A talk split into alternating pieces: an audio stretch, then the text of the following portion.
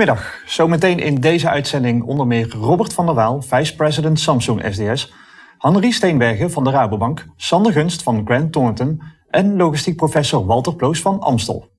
Deze uitzending van Multimodaal Online 2020 wordt mede mogelijk gemaakt door Rabobank, TKI Dynalog en Topsector Logistiek.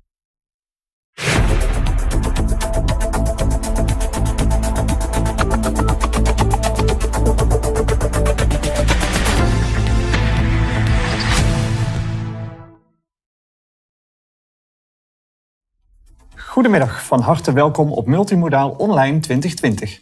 In deze middagsessie gaan we het hebben over de sector tijdens en na corona. Want de pandemie heeft nog altijd grote invloed op de wereldwijde logistiek. En wat hebben we daar nu van geleerd? Daarover ga ik straks in gesprek met Sander Gunst van Grant Thornton. Maar eerst kijken we naar de invloed die corona heeft gehad op de wereldwijde supply chains van Samsung. Want toen de lockdown werd afgekondigd, stonden de containerschepen nog vol met spullen. Mensen gingen opeens niet meer naar de winkel. Welke problemen dat heeft veroorzaakt, daarover vertelt Robert van der Waal, vice-president van Samsung SDS, in de volgende presentatie. Ik nodig u van harte uit om ondertussen alvast het gesprek met elkaar aan te gaan in de publieke chat. Ook kunt u daar vragen stellen aan Robert, die we straks zullen behandelen. Maar nu eerst de video. Goedemiddag allemaal en uh, dank dat u bent uh, ingeschakeld uh, voor mijn korte uiteenzetting van onze Samsung supply chain. De impact van corona op onze supply chain. vandaag ga ik u kort meenemen over wat onze supply chain normaal doet. Hoe die gereageerd heeft tijdens de coronacrisis en waar we nog steeds in zitten. Welke lessons learned we hebben gehad. Na een korte introductie ga ik u vertellen wat de supply chain dus is en uiteindelijk naar de, naar de impact. Eerst een heel korte introductie. In het dagelijks leven ben ik vice president bij Samsung SDS voor Europa en CIS, eh, het logistieke onderdeel. CIS staat voor met name Rusland. En naast deze verantwoording ben ik ook uh, voorzitter van TKI Dynalog. Uh, TKI Dynalog is het vehikel, het innovatievehikel van de topsector logistiek. En daar co-financieren we onderzoek binnen de supply chain en de logistiek. Dus onderzoek naar waar gaat de logistiek naartoe en waar moeten wij als Nederlandse BV in investeren. Leuk, uh, u zal deze, tijdens deze presentatie verschillende elementen van mijn verantwoording bij Samsung en van TKI Dynalog terugzien. Heel kort even Samsung SDS. U kent uiteraard uh, Samsung uh, waarschijnlijk van alle producten, de telefoons en de televisies. Maar wij doen meer. Wij doen ook de logistiek. En daar hebben we een aparte entiteit voor. En die entiteit die de logistiek doet voor de groep maar ook voor andere bedrijven is Samsung SDS. Samsung SDS bestaat voor 45% uit logistiek en de andere 55% is IT gerelateerd. Die hebben wij gecombineerd en vanuit daar bieden wij nou ook services aan op de markt. Dus ook buiten onze groep. Afgelopen jaar waren wij zelfs nummer 21 in de wereld als het gaat om logistiek dienstverlener qua grootte en omzet en medewerkers. Wij zijn wat dat betreft al een volwassen dienstverlener, als je hier ook uh, kan, kan zien. Ik ga er niet te veel op in, want we gaan gauw door naar de supply chain van Samsung. Hier is nu een slide waarin ik kort uiteenzet wat onze supply chain is. En daar vallen een aantal dingen op. U ziet in hier 38 fabrieken. Daar produceren wij onze Samsung producten. Maar wat nog belangrijker is, is dat wij 90% van deze fabrieken in eigen beheer hebben. En dat maakt ons anders dan heel veel andere bedrijven. Straks kom ik daarop terug wat voor voordelen, maar soms ook nadelen dat heeft. Ook wil ik u kort even vertellen over de algemene supply chain als het gaat om Europa. We hebben in elk land hebben wij warehouses staan voor verschillende producten. Als het gaat om hele zware producten, zoals koelkasten en, uh, en magnetrons, dan hebben we dat meer lokaal georganiseerd. Maar bijvoorbeeld producten die wat lichter zijn, of die heel goed voor meerdere landen, landen geschikt gemaakt kunnen worden, leggen wij in een centraal DC op één of twee locaties in Europa. Mobiele telefoon daarentegen moet zo snel reageren op de marktveranderingen dat we dat ook lokaal hebben. En een telefoon is wat dat betreft eigenlijk alleen maar geschikt voor één land. Zo hebben we dat opgezet. Door het van tevoren al wordt geüpload met software voor een specifiek land. Voor een specifieke operator. Vandaar dat we dat ook lokaal hebben liggen. In deze onderste slide ziet u ook de verschillende lead times. Als je kijkt naar een lead time met uh, vliegtuig, uiteraard is dat relatief snel. Daar zijn we in een aantal dagen, ben je vanuit onze productielocaties in Azië naar Europa. Maar aan de andere kant zien we ook schepen vertrekken met grote goederen zoals witgoed, koelkasten, maar ook tv's en dergelijke. En die doen er veel langer over. Als je daarnaar kijkt, dan merk je dus ook dat we daar eigenlijk al producten verscheept hadden voordat de coronacrisis ontstond. Dus de productie kwam al onze kant op en gedurende de reis merkten wij dat we problemen kregen. Nou, gaan we even doorzoomen naar de impact op corona. Met dit in het achterhoofd en kijkend naar de huidige markt, zagen wij dat ten eerste instantie de winkels dichtgingen.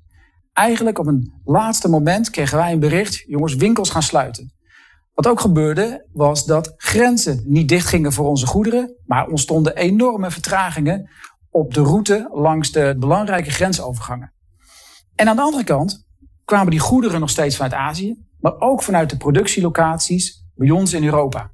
Want daar hebben we drie productielocaties en die produceren door. Een fabriek kan je heel moeilijk stoppen.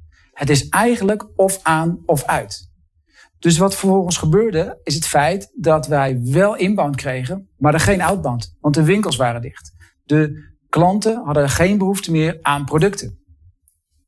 Vervolgens merkten we dat we een hoog risico liepen, omdat er producten stilstonden langer stilstonden bij grensovergangen. Hoge kans op, uh, op diefstallen. Wij zagen ook uh, gebeuren dat de productielocaties wel wilden stoppen, maar niet konden stoppen. En dus door bleven produceren.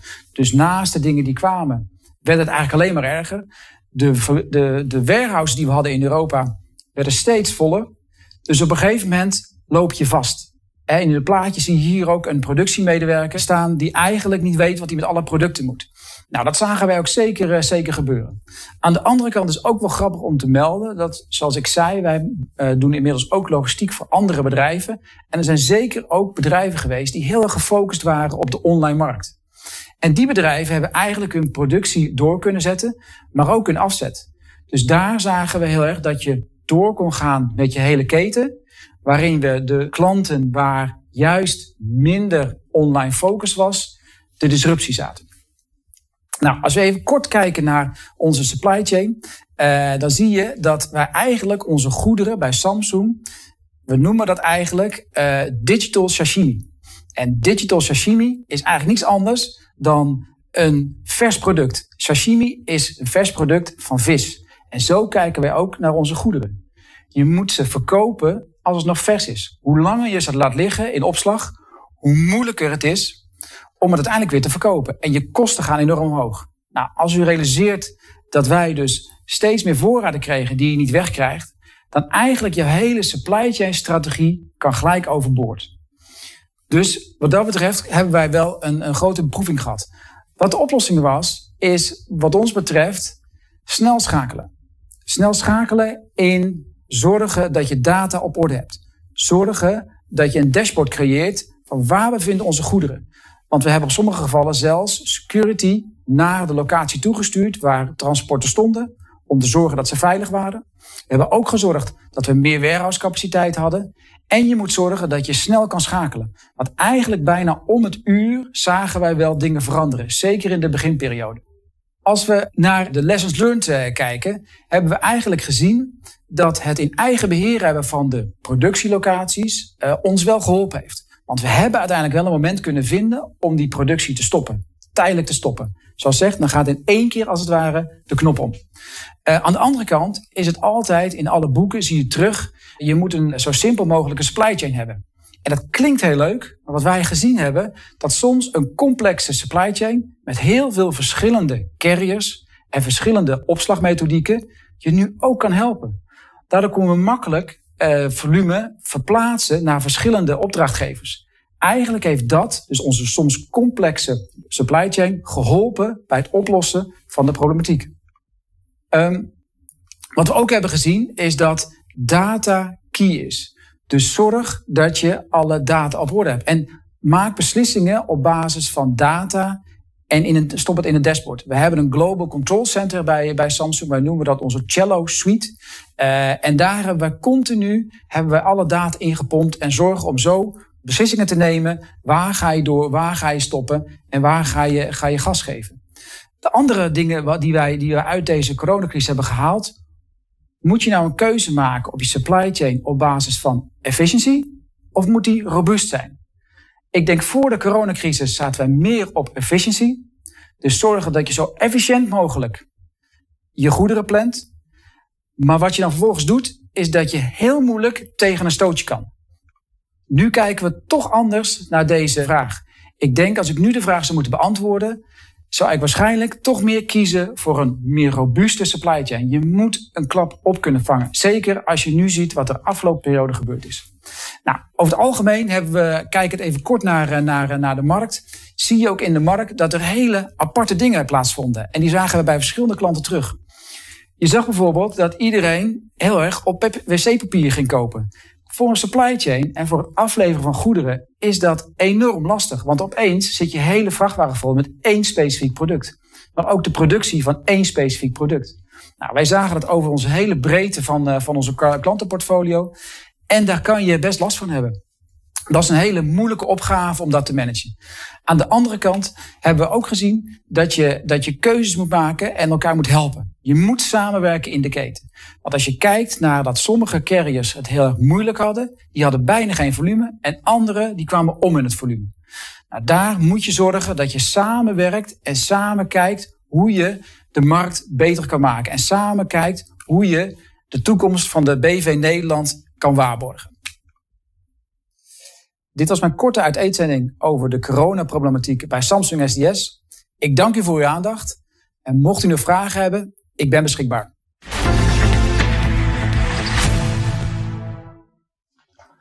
Robert, uh, dankjewel voor dit uh, interessante verhaal.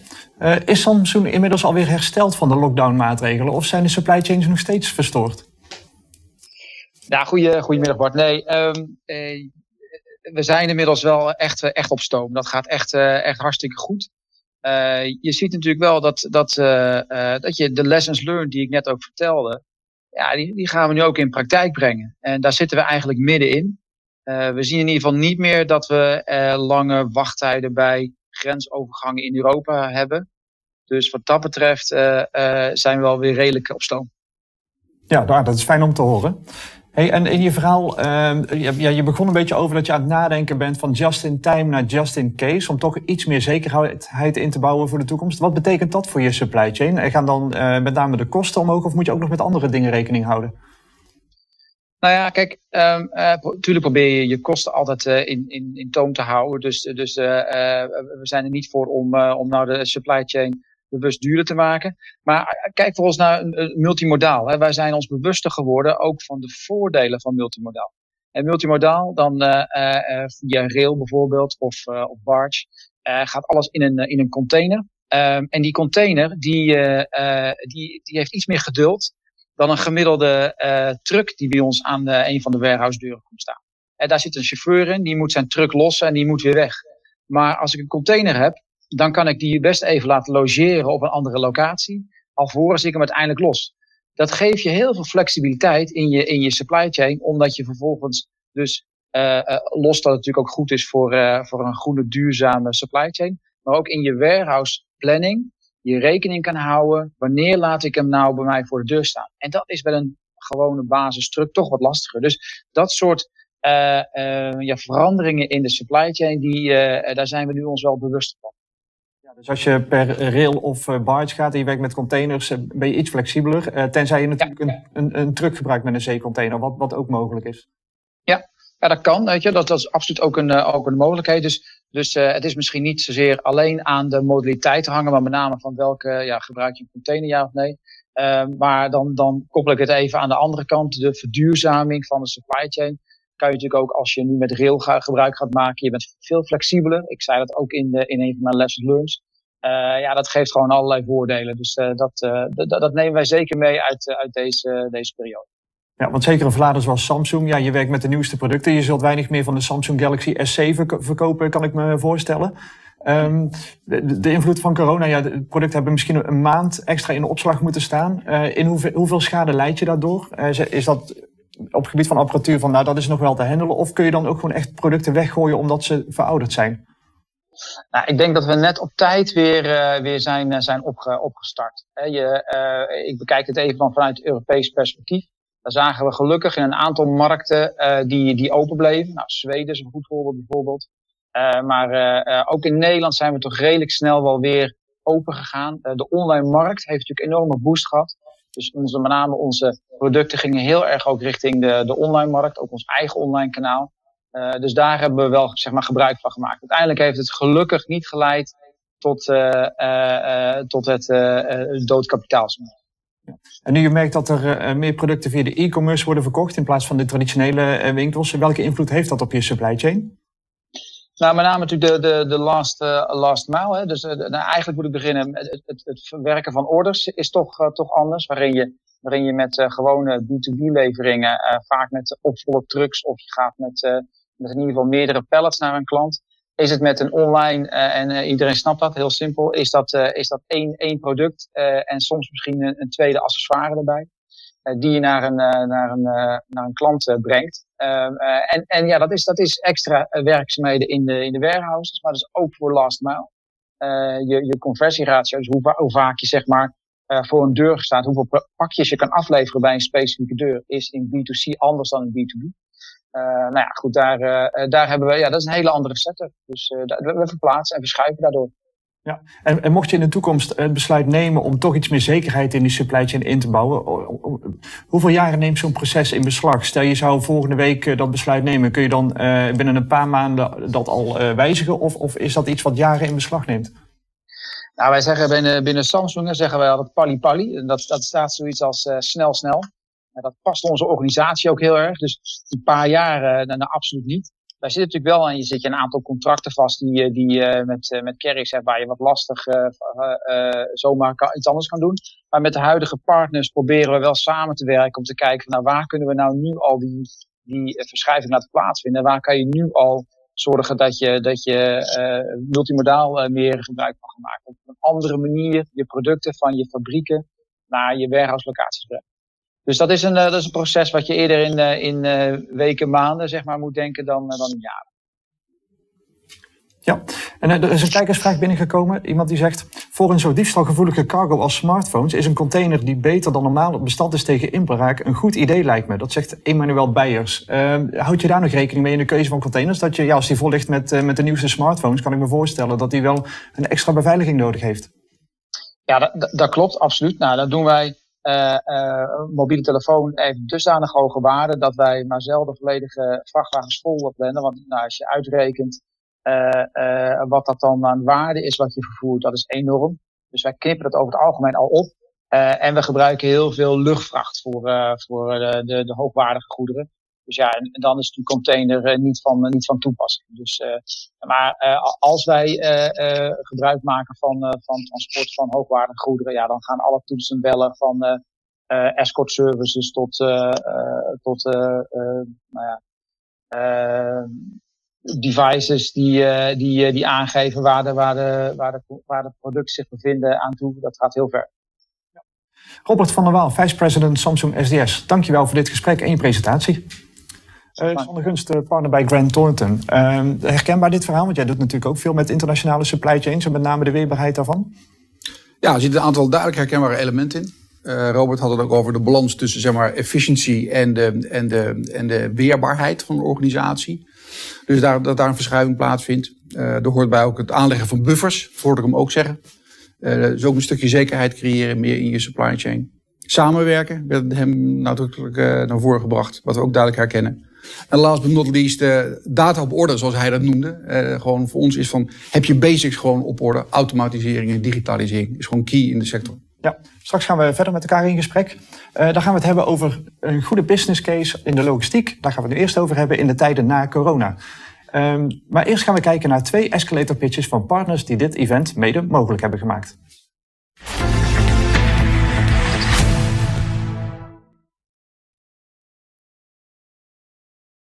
Mijn naam is Jeroen van der Ende, directeur van de coöperatie Port of Zwolle.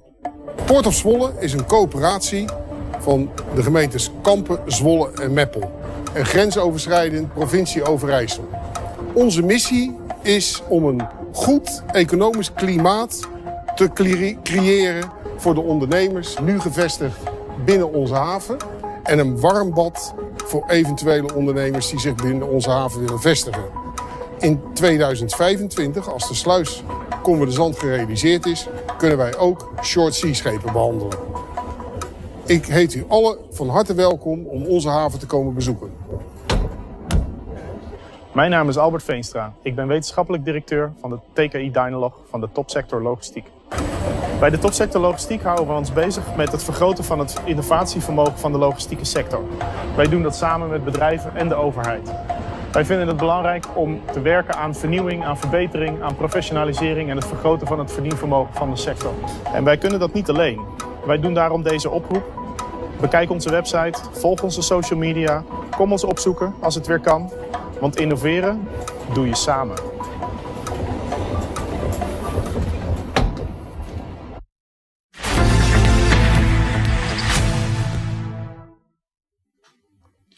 Ook als straks de coronacrisis weer voorbij is, zullen transportbedrijven goed moeten nadenken over hun business case. Want zelfs in de vette jaren zijn er vaak onvoldoende reserves opgebouwd. Maar wat maakt nu een goede business case in de logistiek? Daarover vertelt Henri Steenbergen, sectormanager transport en mobiliteit bij de Rabobank in de volgende video.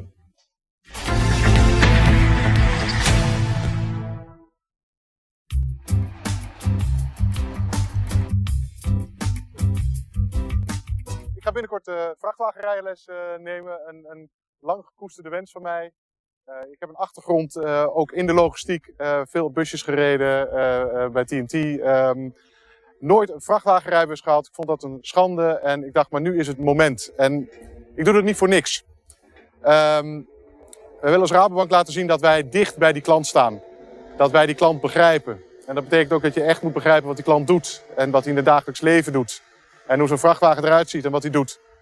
En dit is ook op mijn manier om te laten zien dat wij meer zijn dan alleen een geldverstrekker. Wij willen, ja, we noemen het zelfs trusted advisor. Maar wij willen die adviseur van die, van die klant zijn die meer biedt dan alleen geld.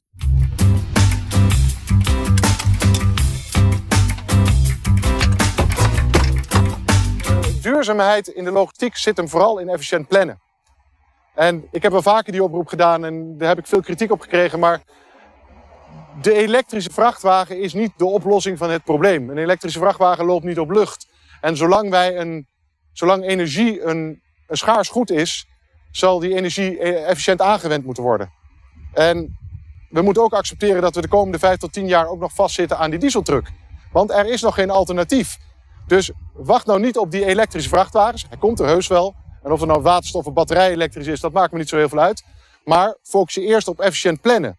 Want ook daarbij, dat is een mes dat aan twee kanten snijdt. Efficiënt plannen betekent nu ook minder brandstofverbruik. Dat betekent ook dat je minder tijd verbruikt, dat je kosten lager zijn, dat je marge hoger is.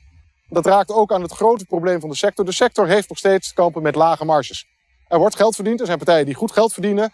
Uh, maar er zijn heel veel partijen die, ja, die maar niet uit, uit, uit het sappelen komen. En daar moet wel professionalisering van de sector is wel iets wat moet gebeuren. Ja, we zien wel dat um, als we het hebben over digitalisering, het toepassen van andere plansystemen, daar gaat het langzaam. Er zijn nog bedrijven die hun boordcomputers uitzetten. Ja, dat is niet meer van deze tijd. En je kunt wel zeggen, ik geloof niet in, in, in digitalisering. Maar daar kom je niet meer mee weg. Digitalisering is heel belangrijk. En het zorgt er ook voor, als ik kijk naar onze sectoranalyse, zie ik wel dat de meest gedigitaliseerde bedrijven, de bedrijven die hun processen gewoon goed op orde hebben en gedigitaliseerd hebben, dat die gewoon meer winst maken. Ja, daar is geen woord Frans aan. En, en daarom wil ik ook bedrijven uh, uh, willen wij ook, ook, ook daarin helpen en ook in overtuigen van misschien moet je wel investeren in, in ICT en dan een vrachtwagen minder doen. De reden waarom we hier ook staan is dat ik ook wil laten zien dat andere sectoren om de logistiek wel bezig zijn met die digitalisering en met het opnieuw uitvinden van een businessmodel. Kijk, autorijlessen zijn volgens mij al, al sinds ze er zijn, zijn ze weinig veranderd. Je hebt een instructeur en er zit iemand naast. Uh, maar hier bij Willem zie je dat hij het doorontwikkeld heeft. Andere opleidingen erbij, andere manieren van opleiding. Ik krijg natuurlijk de opmerking dat ik niet goed stuur. Ik stuur natuurlijk als een trekker. Uh, ik heb geleerd op een trekker, dus dan stuur je altijd. Oh, ja. Ja, Willem, uh, wat doe jij nou zoal een innovatie? Uh, nou, ik, ik ben uh, 34 jaar geleden begonnen met één autootje, gewoon met een autorijschool. daarna in de loop der jaren ontwikkeld, doorontwikkeld, uitgebreid met eigenlijk alle mogelijkheden in het gebied van de rij- en logistieke opleidingen. Dus alle rijbewijzen, logistieke opleidingen, veiligheidsopleidingen. en op dit moment hebben we de, de trucksimulator. ik ben de eerste rijschool in Nederland die die aangeschaft heeft. daar kunnen wij voor de code 95 de volledige praktijktraining op doen.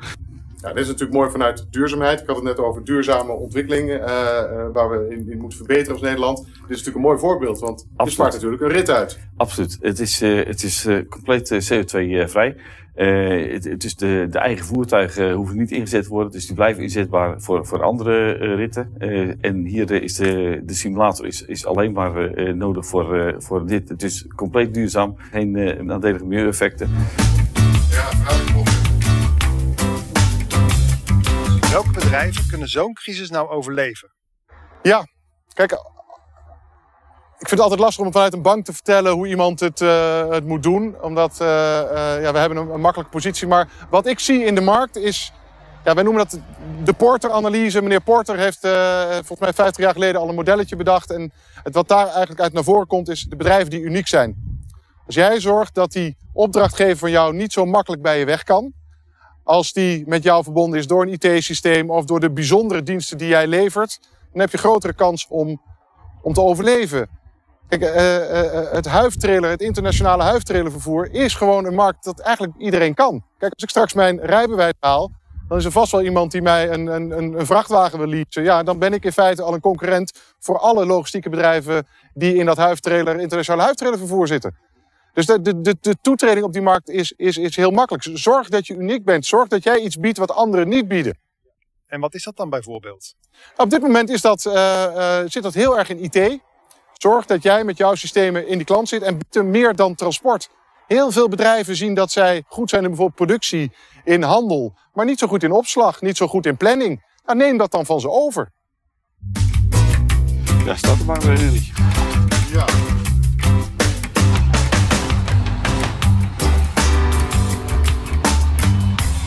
Binnenspiegel, buitenspiegel toch? Ja, binnenspiegel. Nee, dat is lastig. We staan nu bij eh, UMS, Urban Mobility Systems in Os. Uh, de reden waarom we hier staan is dat ik wil laten zien dat wij in Nederland um, heel veel bedrijven, ook bedrijven hebben die al heel ver zijn met elektrificatie. En ik durf wel te zeggen, verder dan menig van de OEM's, uh, de originele producenten van, van voertuigen. En hoewel ik niet geloof en, en ook niet zie dat vrachtwagens heel snel geëlektrificeerd zullen worden, uh, zie ik wel dat er ruimte is voor elektrificatie van heel veel andere voertuigen. Vooral als die uh, werken in een stedelijke omgeving. Hi Lars. ja, zo moet het doen, hè? Welkom. Ja, dankjewel. Mooi dat we hier uh, mogen kijken. Um, ja, kun je laten zien wat jij hier onder andere hebt in jouw snoepwinkel? Ja, dit is een 30 tons kraan en die hebben we gemaakt met wisselsysteem. Uh, waarom? Als het een kraan midden in het veld staat, hoe ga je die opladen? Er zitten drie accupakketten in en die kunnen wij wisselen. Waardoor de kraan op één accupakket twee of drie kan draaien. Maar ook op zes en negen. Dat betekent dat hij 24-7 door kan draaien zonder dat hij stilstaat. En ook zonder dat je met het logistiek van de stroom druk hoeft te maken. Omdat de pakketten bij de windmolens, bij de zonnecellen opgeladen kan worden. En ja, dat is het unieke van dit uh, systeem.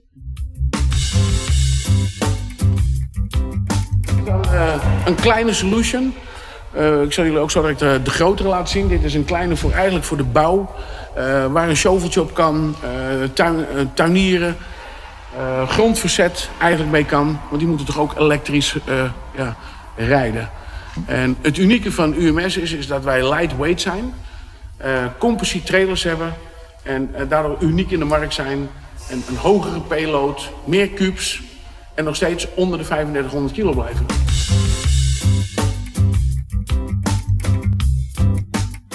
Een, uh, een, een kleine kraan, uh, wat ga je hiermee doen?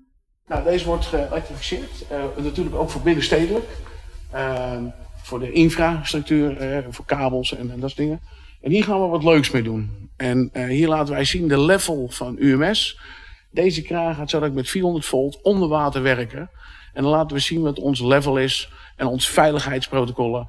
En wat met onze kranen wel kan en met bepaalde ombouwers niet kunnen. En wat zou je nog graag eens een keer willen elektrificeren? Er zijn uh, bepaalde dingen die wij heel graag willen doen. En uh, dat zijn de hele grote jongens. Dat zijn uh, de, de hele, hele, hele grote kranen. die willen wij graag op waterstof zetten.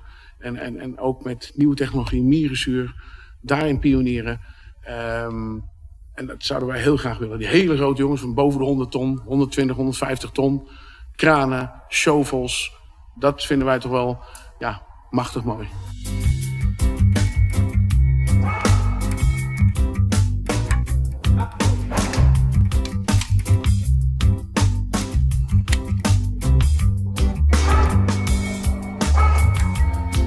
Wat ik jullie hebben laten zien is dat er buiten de logistiek, om de logistiek heen, heel veel innovatie is. Nieuwe dingen. En dat die dingen ook in Nederland zijn. En ik hoop dat hiermee jullie beeld is verbreed, maar vooral dat jullie nieuwsgierigheid is gewekt. Om ook eens te denken van hoe kan ik dingen anders, beter, innovatiever uh, en efficiënter doen. Wij willen versnelling in de duurzaamheid. En we willen versnelling in de professionaliteit van een fantastische sector die we in Nederland hebben. We hebben de beste logistieke sector van de wereld. Um, maar het kan nog een stukje beter. En de Rabobank wil u daar heel graag bij helpen met advies en natuurlijk ook, als dat mogelijk is, financiering.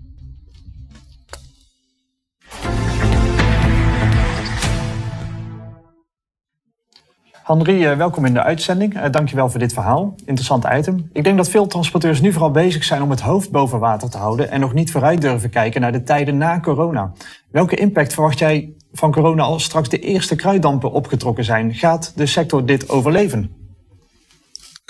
Uiteraard, de, sector gaat het overleven. En als we terugkijken, uh, dan moet je terugkijken naar de vorige crisis. Dan zie je dat de sector al heel erg uh, ja, agile is, een enorm aanpassingsvermogen heeft. En ook al, dat komt natuurlijk dat ze, de sector, vooral de bedrijven, werken natuurlijk met een enorm flexibele schil. Uh, dus dat zag je in de vorige crisis. Wat is er veranderd van de vorige crisis naar de huidige crisis? We zien dat ze minder zwaar gefinancierd zijn. Uh, aan de andere kant zien we ook dat er consolidatie is geweest. Dus bedrijven die er nu zijn, die, zijn, die kunnen wat meer hebben. Hebben beter management gekregen, uh, zitten waarschijnlijk ook wat beter in hun geld. dus tot nu toe zien we nog geen problemen. Dat komt natuurlijk ook omdat gedurende de crisis het transport nog wel, wel, doorliep. Ja, niet het horecatransport. Uh, bloementransport heeft een, een klap gekregen. Op een gegeven moment ook het internationale transport wel. Maar in het begin liep het allemaal nog wel door. Ik maak me niet zo zorgen over nu, maar ik maak me meer zorgen over de, de nabije toekomst. Laten we zeggen na de zomer. Als bijvoorbeeld de problemen in de industrie komen, als problemen in de bouw komen eventueel. En dus tot nu toe valt het nog mee. Um, denk ik dat de sector heel veel op kan pakken. Maar we moeten wel even kijken hoe het nu verder gaat. En daar attent op zijn hoe dit, uh, hoe dit gaat verlopen. Ja, dus eigenlijk als straks de, de, de steunmaatregelen uh, gaan aflopen in oktober, november. Want de overheid zal natuurlijk niet eeuwig alle omzetverliezen gaan compenseren. Uh, juist dan komen we in de problemen, verwacht je dus. Ja, dat zou kunnen. Kijk, ik zeg niet dat het gebeurt, uh, maar het zou kunnen. Kijk, als jij. Transport is natuurlijk afhankelijk van andere sectoren. op zich vervoeren wij, doet de sector zelf niets. Uh, je bent afhankelijk van import-export. En dat is weer afhankelijk van wat is er, wordt er geproduceerd en wat wordt er geïmporteerd en wat wordt geëxporteerd. Dus ik, we moeten vooral kijken naar die onderliggende sectoren. En dat is ook de tip die ik aan bedrijven geef. Kijk gewoon naar je afnemers en kijk naar die markt waar zij in actief zijn. Want de, de logistieke markt volgt. En daarnaast zorg dat je goed in beeld hebt. Uh, maak eens wat scenario's. Kijk, vooral nu uh, is het heel belangrijk dat je bijvoorbeeld een cashflow scenario maakt. Dat je zegt van nou ja, ik, ik ga eens uitrekenen van hoeveel geld heb ik over een, een, jaar. Um, en maak drie scenario's.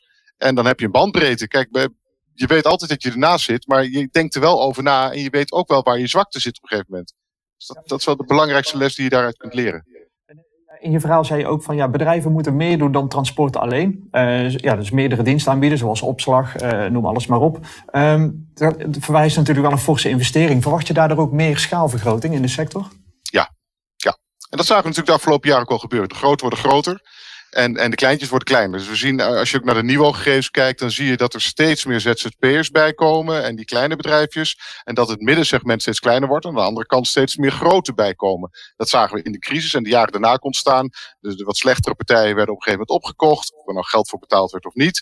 Uh, die werden vaak het goodwill nog wel overgenomen. Uh, maar ook een paar gewoon echt mooie overnames zijn er geweest in de sector. En je ziet dat die grotere partijen worden steeds gediversificeerder en, en groter, uh, maar daarmee ook professioneler. En dat kan ons ook redden in een, uh, in een eventuele crisis. Ja, want uit diverse onderzoeken van de brancheorganisaties uh, die laten weten dat de sector 30% lading heeft verloren tijdens corona. Um, zie je dan nog onderscheid dat de, de, bedrijven die wat groter zijn en meer gediversifieerd, dat zij daar minder last van hebben? Dus is die 30% de gemiddelde? Of zie je dat eigenlijk wel terug bij alle bedrijven? Ja, kijk, en je moet bij die sector ook oppassen. Uh, wat ik zie, ik zit vooral in die bedrijven. Ik zie die ellende bij die ZZP'ers niet.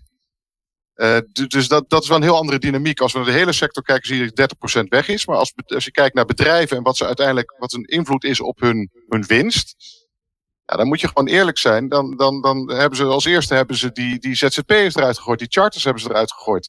Ja, dat heeft heel weinig invloed gehad op de winst.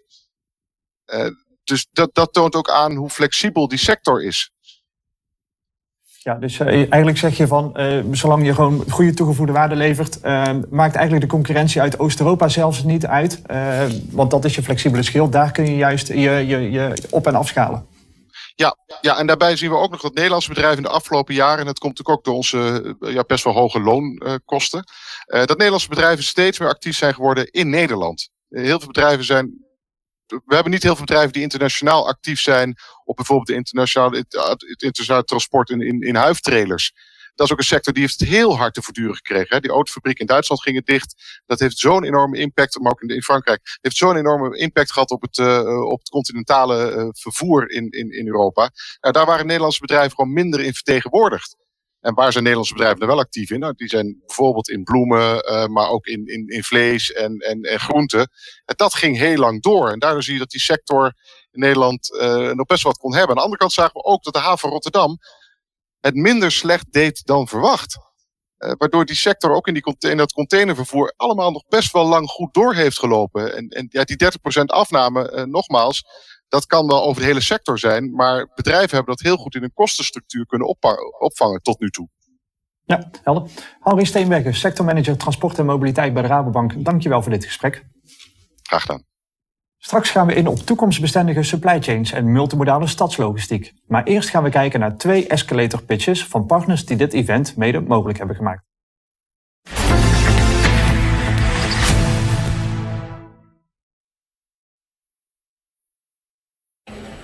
Ik ben Michelle, oprichter van MLM Promotions.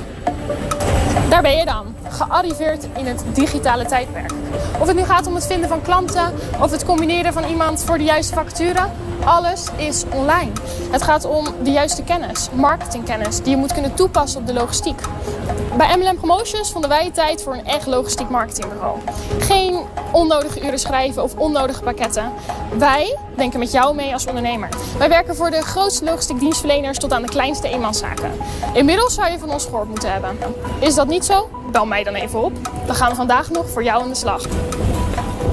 Hi, ik ben Steven van Engel, business manager bij het H5 Rotterdam. Gebruik maken van de haven Rotterdam was het nooit zo eenvoudig. Navigate is de routeplanner voor Rotterdam.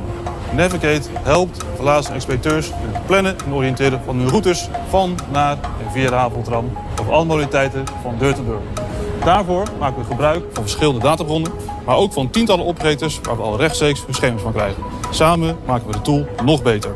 Wil je meer weten? Kijk op rotterdam.com navigate of neem contact op. Dankjewel.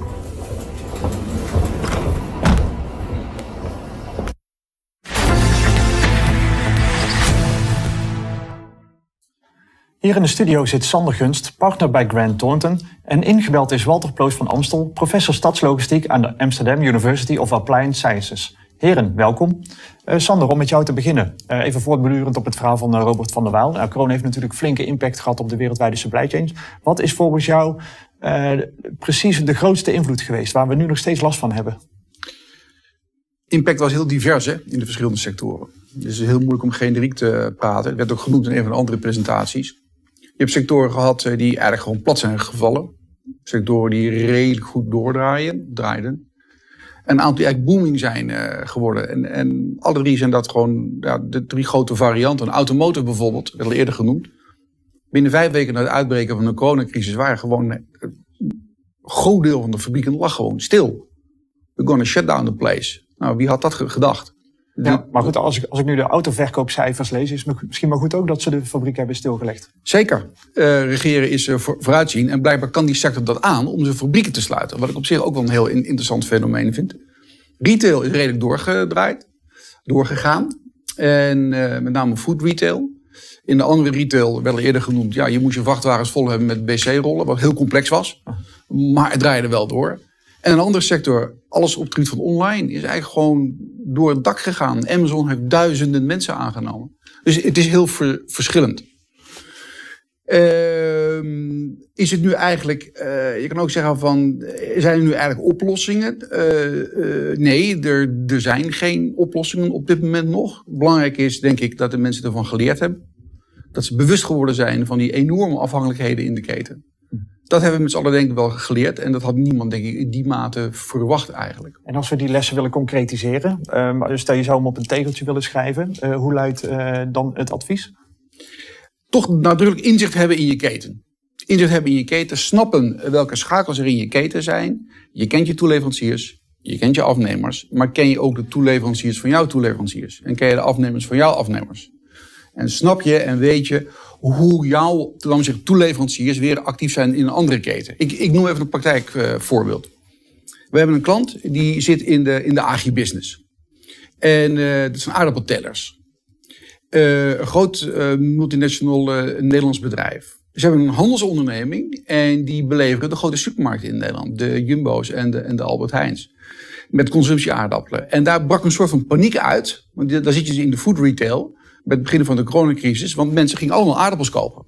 Dus ze moesten als een speer zoveel mogelijk aardappels die supermarkten inkrijgen. Wat bleek? De koelcontainers waren op in Europa. Die zaten gewoon vast in China. Dus ze hadden een groot probleem, dachten ze, dat ze geen, geen reefers meer hadden, want die zaten vast in China. Wat bleek, ik sprak ze een paar dagen later. Het probleem was eigenlijk gewoon verdampt. Waarom? Want een hele andere sector, de bloemensector, die was helemaal op zijn gat gevallen. En zij hadden een grote claim op koelcontainers in Europa. En die vielen allemaal vrij.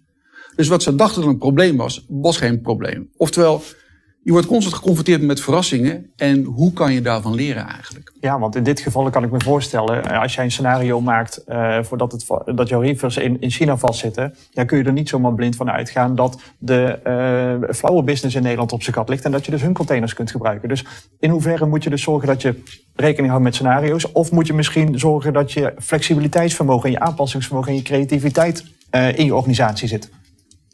Wendbaarheid en weerbaarheid. Dat draait het eigenlijk om. Wendbaarheid, flexibiliteit. Zorgen dat je flexibele mogelijkheden toch in je supply chain hebt. En zorgen dat je wat meer ja, uh, weerbaarder bent. Toch tegen een stootje kunnen, eigenlijk. Ja. En, en wat betekent dat dan voor je kostenstructuur? Want het, ja, in sommige sectoren is de concurrentie natuurlijk moordend. En, en ieder uh, mini, minimaal percentage uh, marge of hogere kosten kan leiden tot een concurrentieachterstand. Het is een lage marge business. Uh, maar de focus hebben op alleen maar maximaliseren van efficiëntie, dus alleen maar kostenreductie, heeft ons denk ik ook wel geleerd dat dat niet helemaal altijd de juiste aanpak is. Uh, het werd ook in de eerste presentatie uh, genoemd. Creëren van wendbaarheid. Het kan zijn dat je op een bepaalde vlakken iets meer kosten creëert, maar je kan daardoor wel beter je klant bedienen. Ik, ik wil een ander praktijkvoorbeeld noemen van vrij lang geleden, was ver voordat ik management eh, consultant was. Uh, ik kom uit de industrie, tientallen jaren CFO-rollen gehad, wereldwijd. En ik ben zelf heftig betrokken geweest bij SARS.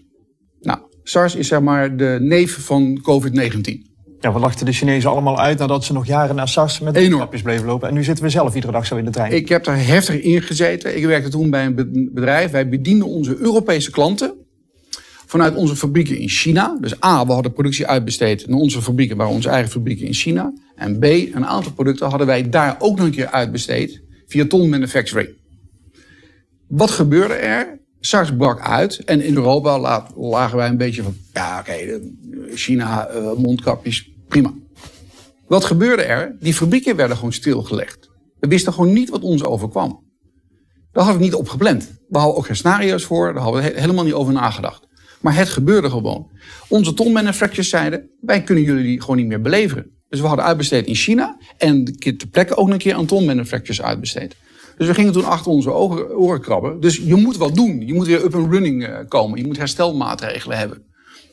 Eerlijkheidsgebied te zeggen, die hadden we niet van tevoren in de kast liggen. Maar daar heb ik wel erg van eh, geleerd. Dus wat deden we toen? Wij hadden een fabriek in Europa die heel flexibel was. En die eigenlijk een beetje duurder was dan onze eigen standaarden. En eigenlijk wilden wij die fabriek sluiten. het kader van het maximaliseren van efficiëntie. En die fabriek zei, wij denken dat we dat wel kunnen doen. En die waren binnen twee weken up and running om productie over te nemen van de ton manufacturers uit China, wat veel goedkoper was. Dat hebben we in Oostenrijk, het was een fabriek in Oostenrijk. En toen hebben onze Europese klanten hebben weer kunnen beleveren vanuit die fabriek in Oostenrijk. Dus daar zit een balans in. En uh, het helpt als je voorbereid bent. Wij waren toen destijds totaal niet voorbereid. Maar ik heb daar wel geleerd wat risicomanagement en risicobeheersing is. En wat de toegevoegde waarde kan zijn van het maken van scenario's. Ja, helder. Uh, dankjewel. We praten zo weer even verder. Uh, Walter Ploos van Amstel, uh, welkom in deze uitzending. Nou, de gevolgen van corona op de wereldwijde supply... Goedemiddag. De gevolgen van corona op de wereldwijde supply chains zijn al uitgebreid besproken. hoe zit het met de gevolgen van corona op de stadslogistiek? want we zagen natuurlijk wat legere winkelstraten een paar weken lang. zijn daar nog veranderingen te bespeuren, zowel tijdelijk als structureel? Nou, we hebben natuurlijk geweldige tijden meegemaakt. Uh, maar eerst even, wat is stadslogistiek? Dat zijn al die bewegingen de stad in. Het goederenvervoer bouw is de allergrootste. Of een derde van de stadslogistiek is de bouw. Nou, de bouw heeft nog nooit zo doorgewerkt. Dus aan zich zagen dat die bouwlogistiek het prima bleef doen. De tweede grootste categorie stadslogistiek is de horeca. Is ook ongeveer een derde. Nou, dat viel in één keer helemaal in elkaar. Wat interessant was, dat de foodlogistiek dat voor een deel heeft kunnen compenseren. En ongeveer een derde van wat we eten, eten we buiten de deur aan volume. Nou, als je plotseling niet meer buiten de deur eet, eet je dat thuis. Dus dan moet je niet gek opkijken dus bij de Jumbo, de Albert Heijn, de Spar en alle andere. De omzet ineens met 30 tot 40 procent stijgt. Iedereen riep dat is hamsteren, maar dat was puur een kanaalverschuiving. En dan zagen we de pakketjes. Het werd ineens kerstmis. Ik sprak mijn bezorger afgelopen zaterdag. Die heeft zeven bezorgers in Amsterdam rondrijden. En die heeft nu drie maanden kerst achter elkaar. Lopen met een uh, tong, of uh, laat ik zeggen, op een tandvlees. Dus eigenlijk wel geweldige tijden. Maar de retail was ook wel spannend, want veel van de winkels vielen uit. Maar onverwacht gingen we allemaal massaal zitten, doe het zelf thuis. Dus het was een enorme verschuiving van volumes in die stad, van het ene kanaal naar het andere. Ja, dan is dat ook wel een hele uitdaging voor bedrijven. Het jammere is dat in de stadslogistiek 80% logistiek in eigen huis is. Eigen vervoer. Dus heel veel bedrijven zagen plotseling 60 tot 80 vrachtwagens voor de deur stilstaan. Chauffeurs die niks deden. Verstandige bedrijven laten de stadslogistiek over aan professionele logistieke dienstverleners. En dat hebben we ook gezien. De enorme stijging bij de voedsel, of uh, het levensmiddenkanaal, uh, kon worden opgevangen door een aantal logistiek dienstverleners. De Peter Appels van deze wereld, de Cornelissen. Heel snel chauffeurs van het ene kanaal, Foodservice, de Sligo's, konden overzetten naar het Albert Heijn-kanaal. Dankzij de data die ze hadden. Al een paar keer gezegd, data is echt nodig. Waar zitten de stromen te doen? Maar stadslogistiek, geweldige tijd. Uh, het wordt natuurlijk spannend wat er nu gaat gebeuren. We gaan allemaal langzaamaan terug naar de horeca. Ik moet zeggen dat ik het geen feestje vind. Je zit aan dezelfde tafel met de mensen met wie je twaalf weken lang bent opgesloten geweest. Uh, reserveren. Niet even spontaan een biertje halen. Maar als ik in Amsterdam kijk, zitten we weer op een volume van ongeveer 60% van voorheen. Dat is zeker nog niet terug. Dat online, dat wordt een spannende. Wordt dat een blijvertje? Heel veel mensen wilden niet naar de winkel. Begonnen ineens te kopen bij Picnic, Albert Heijn online, Jumbo online. Ik ben benieuwd of zich dat gaat voortzetten. Zeker als er straks een stevige crisis komt, 1 op de 10 Nederlanders op de bank zit, hebben we dan nog wel de luxe om dat online te kunnen voortzetten. Ja, en stel iedereen die bestelt voortaan uh, bij Albert Heijn online of Picnic online of Jumbo online, uh, noem ze allemaal maar op. Uh, zijn de steden daar tegen bestand qua infrastructuur? Hebben we plek voor al die busjes? Oh, absoluut. Het is ook, als je kijkt naar het volume, uh, 5% van het totale volume levensmiddelen. En, maar het betekent wel heel veel extra busjes. Maar hele verstandige bedrijven zorgen dat die allemaal al zero emissie zijn. En heel nog verstandige bedrijven zoals Picnic, die denken zelfs, nou moet ik niet een licht elektrisch voertuig inzetten. En als je kijkt naar het aandeel, valt het nog wel mee. Op iedere tien auto's heb je één bestelauto. En van die bestelauto is maar 5 procent. Dus we praten over uh, 5 procent, dus 1 op de 10, 5. Je praat over nauwelijks voertuigen extra in de stad. Ja, dit evenement heet natuurlijk Multimodaal Online 2020. Um, ja, zie je daar nog kansen? Want ja, stadslogistiek is nu nog met name uh, uh, over de weg. Uh, zie jij nog kansen voor bijvoorbeeld um, per rail, voor trams of binnenvaart... om meer te doen met ja, stadslogistiek? Ik denk absoluut. Als we nu kijken internationaal, zien we bijvoorbeeld in Frankfurt een project met een vrachttram. Ook in andere steden. We hebben dat in Amsterdam geprobeerd, maar dat, dat lukte ruim tien jaar geleden net niet. Maar ik zie best wel weer kansen daarvoor. Wat natuurlijk geweldige kansen biedt in de meeste steden in Europa is water. In Londen gebeurt een hele hoop van de bouwlogistiek over water, de afvallogistiek. Ik voorzie met de kostbare infrastructuur die we hebben in onze oude binnensteden, dus Utrecht, Delft, Groningen, dat we toch echt moeten gaan nadenken over of we de waterwegen niet kunnen gaan gebruiken voor die stromen die zeer zwaar zijn. Denk aan afval, denk aan bouw. En met die twee stromen heb je al 40% van de stadslogistiek te pakken. Dus dat is ook best wel kansrijk. Niet alle stromen zullen zich daar verleven. Maar de gedachte om hè, met name zand, en voor alle grote stromen, bakstenen, beton, uh, over watervoer, ja, dat biedt echt wel kansen. Ja, en ook lading bundelen zal daarin natuurlijk wel een, een, een, een, een, een forse effect kunnen hebben. Als je niet ben je ook wel heel erg dom bezig. Op termijn gaan we toch in die stad toe naar veel minder vervoersbewegingen. We willen dat die stad autoluw is. We willen de woonwijken aantrekkelijk maken. Neem de Utrechtse wijk Merwede. Ja, daar gaat gewoon de auto van het maaiveld. Dus er komt ook geen servicebusje meer. We zullen op andere manieren moeten gaan kijken met veel minder voertuigen hoe we de bevoorrading van woonwijken en binnensteden gaan regelen. En dat moet ook allemaal zero emissie worden. En we zien ook steeds meer de opkomst van kleinere voertuigen die ook veel veiliger zijn.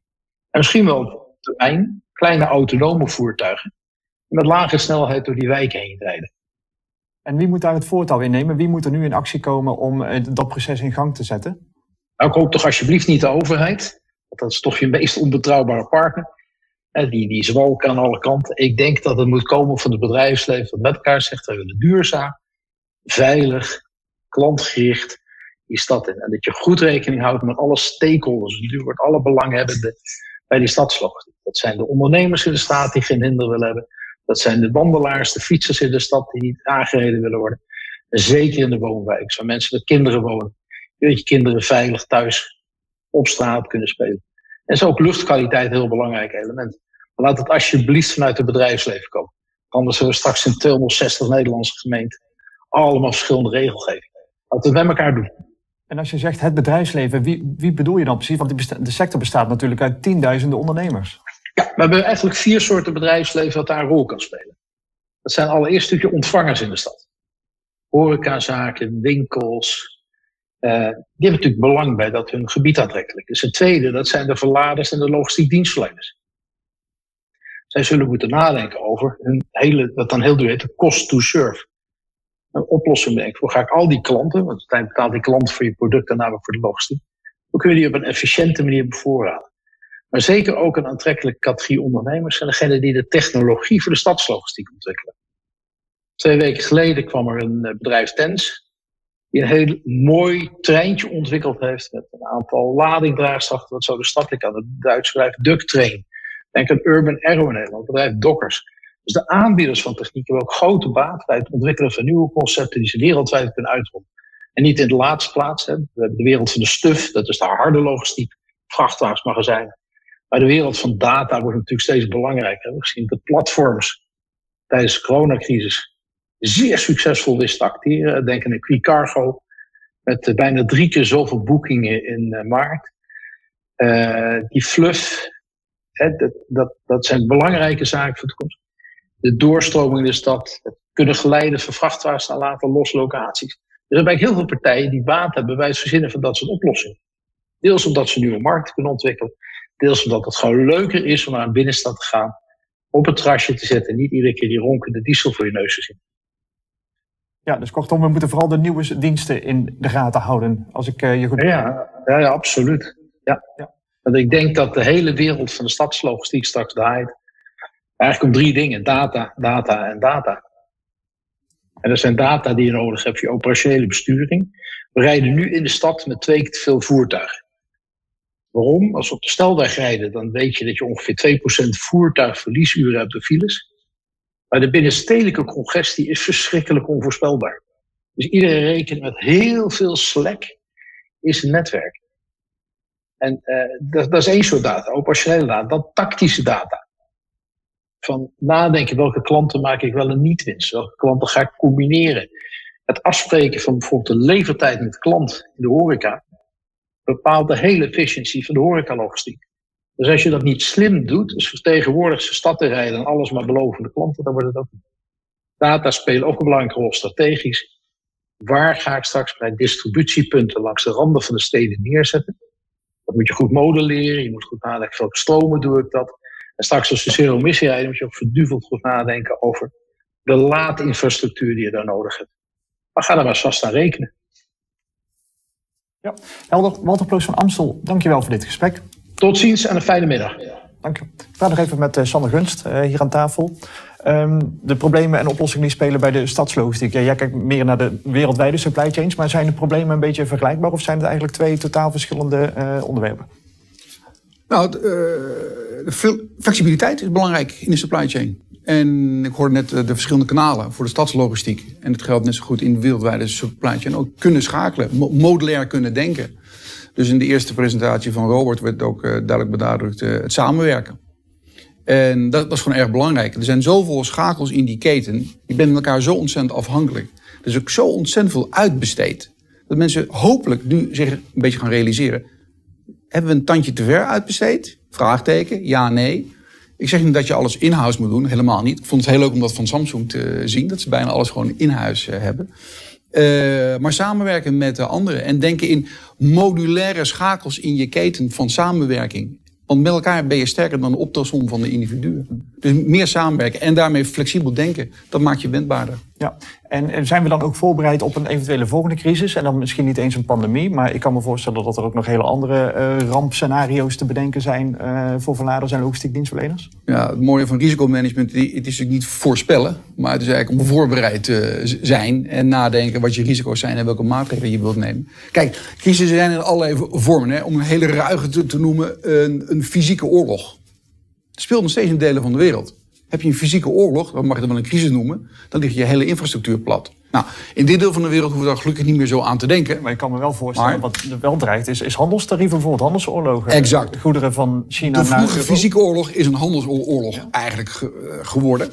En in het begin van dit jaar waar dreigde gewoon een serieuze handelsoorlog tussen China en de Verenigde Staten. Nou, dat zal een impact hebben op de supply chain, wanneer het echt doorgevoerd wordt.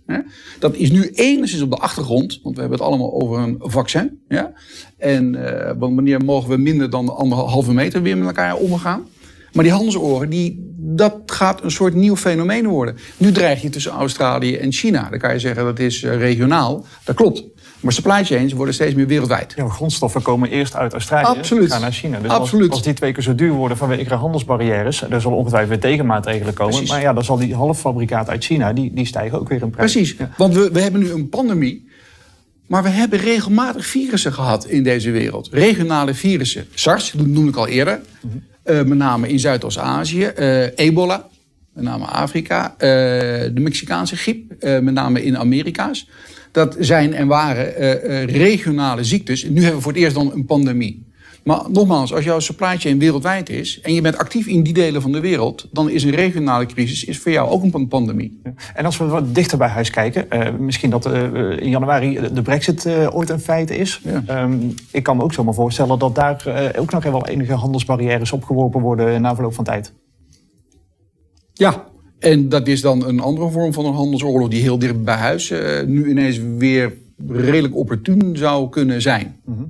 En wat, wat kan een, een logistiek dienstverlener of verlader doen om zich daarop voor te bereiden? Want ja, er zijn zoveel scenario's om rekening mee te houden. Ja, het, je, het is bijna niet te doen. Je kan bijna een hele afdeling riskmanagement opzetten uh, om, om dat het hoofd te bieden en alles door te rekenen. Ja, dat is dus het laatste wat je moet doen. Dan zo van risicomanagement, dat doen we. Dat is die afdeling op de tweede verdieping, de derde deur links. Dat is het dus niet. Uh, het zit gewoon in de lijn. Want iedereen snapt wel, risico's nemen is gewoon ondernemen. Het gaat eigenlijk over de inschatting, kansen en bedreigingen. En als je daar een pragmatische manier mee omgaat, welke risico's, als ik ze ken, welke wil ik voorkomen. Als iets gebeurt, wil ik herstelmaatregelen hebben. En voor een aantal zaken scenario's bedenken. Eigenlijk gaat het erom common sense gebruiken en goed voorbereid zijn. Tot slot, welke concrete tips zou je nog aan onze kijkers willen meegeven? Dus logistiek dienstverleners en verladers om uh, deze of een eventuele volgende crisis het hoofd te bieden. Samenwerken. Zoek vooral de samenwerking op. Uh, get your basics in order. Uh, uh, de data op orde. Da het is data, het is echt gewoon key. operationeel, tactisch, strategisch. En kijk toch of je je, je flexibiliteit kan verhogen en zorgen dat je op een aantal punten iets weerbaarder bent. Iets meer vlees op de botten. Dat zijn eigenlijk de vier dingen die ik ze willen meegeven. Ja, helder. Sander Gunst, partner Grant Thornton. Dankjewel voor je komst van de, naar de studio. Graag gedaan. Dan zijn we nu bij het einde gekomen van deze uitzending van Multimodaal Online 2020. Morgenochtend gaan we het hebben over duurzaam transport met aandacht voor elektrische binnenvaart, de Super Eco-combi en synchrodaal transport. Die uitzending begint om 10 uur en wordt verzorgd door mijn collega Tom van Gurp. Ik nodig u uit om nog even met elkaar na te praten in de virtuele meetingroom. De link daarvoor verschijnt zometeen in uw scherm. Voor nu bedankt voor het kijken en graag tot dan.